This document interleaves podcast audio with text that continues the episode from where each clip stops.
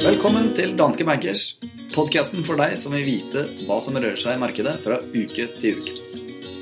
Mitt navn er Fredrik Ask Stensrud, og med meg i studio som vanlig så har jeg vår sjefstrateg Christian Lie. Velkommen, Christian. Takk for det, Fredrik. Vi skal som vanlig gå gjennom uh, ukens viktigste hendelser, og vi skal også se på neste ukes viktigste hendelser. Vi skal oppsummere markedsbevegelser siste fem dager, og vi skal innom eh, Aksjeolympiaden 2019, der konkurransen tilspisser seg. Men først, Kristian, hva er det som har skjedd denne uken her? Faktisk veldig mye. Eh, det har vært en, eh, en fredag i dag hvor jeg nesten har hatt problemer med å holde tritt. Men eh, for å oppsummere så har det vært en, en eskalering i konflikten mellom USA og Kina. Hvor man ikke bare har en handelskrig, men også i stadig større grad en teknologikrig. Therese May har varslet eh, sin avgang. Slutt for May i mai. Er en ganske fin overskrift der. Pun intended. Og vi har fått noen makrotall som eh, i god danske bankers ånd har skuffet veldig. Hvis vi begynner med handelskonflikten og det generelle konfliktnivået mellom USA og Kina, så har jo USA, som de fleste har fått med seg, innført eh, begrensninger på eh, flere teknologi kinesiske teknologiselskaper sine muligheter til å selge varer og tjenester i USA. Og ikke minst amerikanske selskapers anledning til å selge til kineserne. Og Det mest eh, kjente eksempelet her, det er jo Huawei, som da er det største teknologiselskapet i Kina verdens nest største leverandør innenfor nettverkstjenester og også mobiltelefoner, så dette er ikke noe småselskap. Eh, og USA mener jo at Huawei representerer en trussel mot rikets sikkerhet, bl.a. pga. Eh, spionasje. Det som også er utfordrende for eh, Huawei, det er jo at de er avhengig bl.a. av komponenter fra USA, f.eks. halvlederteknologi osv. Og når Google i tillegg da signaliserer at de ikke lenger vil eh, forsyne Huawei med de nyeste oppdateringene på sin Android-software til mobiltelefonene, så begynner dette å bli et, eh, et problem. Vi har også sett andre selskaper, bl.a. britiske eh, mobiloperatører og japanske Panasonic, altså heller ikke smågutter i bransjen, som også da føyer seg inn i rekken eh, av eh, selskaper som da dropper Huawei på sin eh, kundeliste. Og Det betyr jo at et, en ganske betydelig torn i siden fra Trump til kinesiske myndigheter har blitt enda større og, og enda vondere, kan vi kanskje si. Har vi sett noen reaksjoner på dette i det kinesiske markedet? Ja, definitivt eh, så har vi sett at kinesiske aksjer har vært eh, veldig svake, egentlig, i ganske lang tid.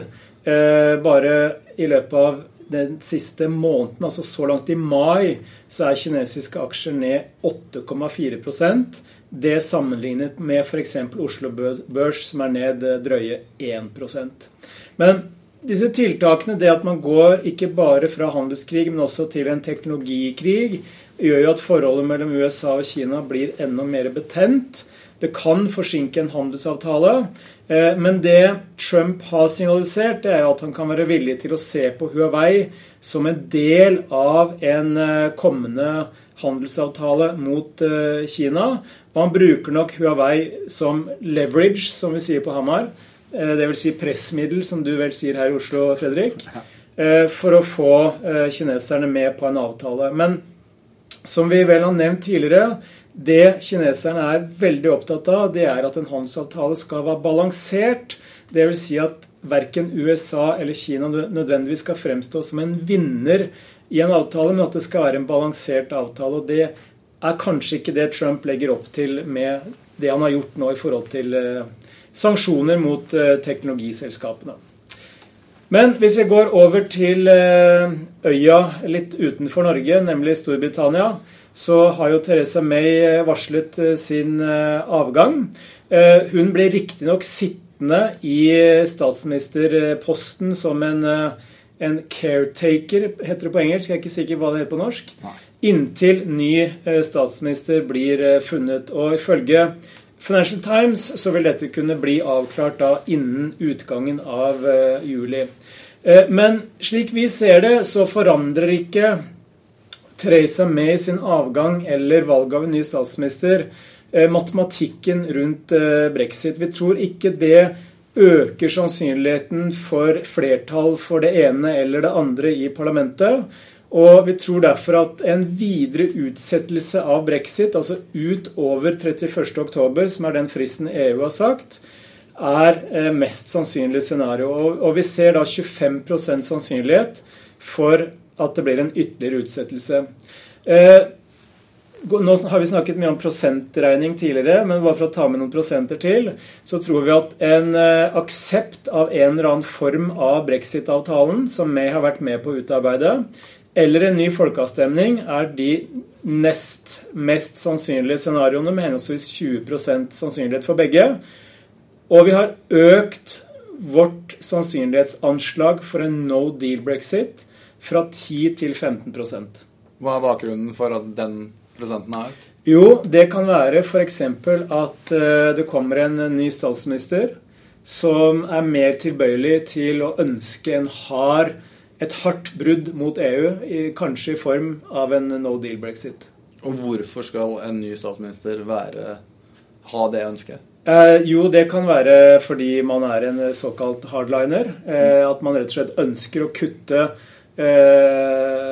strengen mot EU rent av med kirurgisk eh, snitt. Mm -hmm. og det er det jo flere i parlamentet som, som, ønsker, selv om det vil kunne skape betydelig uro i finansmarkedene og for så vidt også usikkerhet for, for britisk næringsliv og britisk økonomi, kan vi si. Ok, Men fortsatt uansett bare en økning fra 10 til 15? Det er riktig. Mm. Jeg, ser, jeg registrerer at det er andre aktører som mener sannsynligheten er betydelig høyere for en no deal brexit med en ny statsminister, men vi er ikke helt der.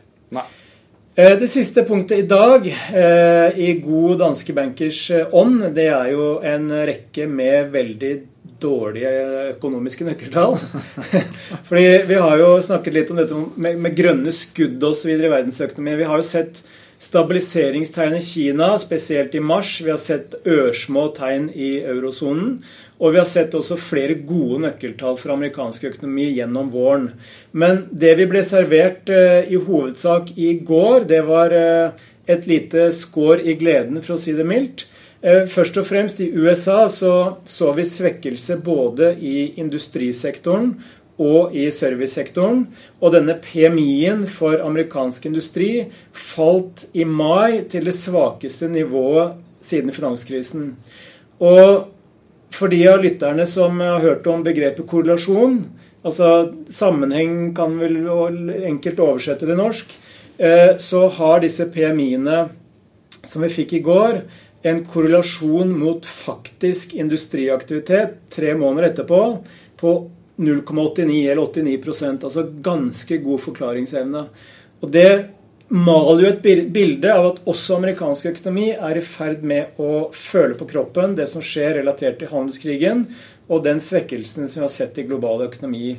Skal nevnes at forskjellen på korrelasjon og kasualitet er betydelig, men det er kanskje et eget felt innenfor behavioral economics, så det skal vi kanskje ikke gå inn på her. Nei, det er helt riktig. Og det er litt sånn som vi sier eh, rundt eh, ishallområdet på Hamar at correlation is not causality. Exactly. Yes. Det kan vi ta neste gang. Det kan vi ta neste gang. Eh, I tillegg så fikk vi også tall fra eurosonen. Også der fikk vi PMI-er som ikke var spesielt eh, lystige. De er riktignok stabile, men for industrien så indikerer de fortsatt en tilbakegang i aktiviteten. Og også både i USA og eurosonen så var også aktiviteten i servicesektoren Eh, svakere enn det den var i april. Og for å bare legge på eh, den eh, gloomy tendensen her, så fikk vi også den tyske IFO-indeksen, som er en spørreundersøkelse blant rundt 7000 tyske bedriftsledere, som da falt til laveste nivå på fire år. Lystig lesning. Men for å liksom ikke grave oss helt ned, så må vi ta med at arbeidsledigheten i Norge falt til 3,5% i mars. Og det er det laveste nivået på nesten fem år. Det er bra. Det er bra. Det tar vi med oss. Hva er det som skjer neste uke, Kristian? Neste uke så vil det nok fortsatt være mye fokus på Trump og, og Kina og handelskrigen og osv. Eh, men hvis vi ser på nøkkeltall, så får vi en eh, stemningsmåling fra eurosonen, såkalt økonomisk sentiment, tirsdag klokka 11. USA, eh, BNP-vekst for første kvartal får vi torsdag halv tre. Og kinesisk PMI, trolig neste ukes joker. Fredag natt til fredag klokka 03.00. Da håper jeg vi alle sover. Ja. Er det noe mer som har vært å fortelle om neste uke? Uh, nei, jeg tror det er nok jeg på, på nøkkeltallsfronten. Det holder. Ok, jeg skal uh, ta uh, markedsbevegelse de siste fem dager. Jeg skal også oppsummere uh, de viktigste sakene for neste uke. Men før det så må vi til Aksjeolympiaden 2019. Fredrik mot Christian. Og det må vel nevnes at i forrige uke så så ble kanskje den første long-posisjonen på noen måneder tatt her i Bankers-redaksjonen. Og det var da du som gikk lang Oslo Børs, mens jeg gikk eh, short Oslo Børs. Eh, fra closing den, eh, den, fredagen så kan man vel kanskje hevde at Oslo Børs gikk opp. Men ettersom jeg faktisk Opp 1 faktisk. Ja, men jeg tar faktisk fiktive posisjoner i et, en demoløsning som jeg har. Og den fiktive posisjonen i Oslo Børs, den er ned 1% Det betyr at jeg gainer 1% mens du taper 1% denne uken. Og det gir oss følgende resultat etter 21 uker. Jeg er da opp 1,2% og du er opp 6,2% Så du har eh, foreløpig et eh, godt forsprang på 5 der uansett. Ja, Men da har jeg lært å ikke ta flere langposisjoner, da. Det, ja, det skal du ikke være for sikker på nå. Men hva vil du gjøre neste uke, da? Eh, jeg tar nå en uh, short-posisjon i uh, USA, i amerikanske aksjer. SMP 500. Ja, det er jo mulig at det er smart, men jeg tenker at kanskje jeg nå skal utlyse et nytt salgssignal, for jeg tar faktisk og kryper ut på en gren, jeg. Og så går jeg lang i Hang Seng. Så jeg går lang i Kina, du går short i USA. Så får vi se hvordan det går. Da tar jeg markedsbevegelse siste fem dager. Oslo Børs opp 1% SMP 500 ned 1,8 Eurostox 600 ned 1,6% og oljeprisen ned 5% De viktigste sakene for neste uke det er økonomisk sentiment fra eurosonen, som vi får på tirsdag klokken 11. Så får vi BNP-vekst for Q1 eh, i USA på torsdag klokken halv tre. Og så får vi ukens joker, kinesisk PMI, natt til fredag klokken tre. Det var alt vi hadde i ukens episode av Bankers. Vi høres.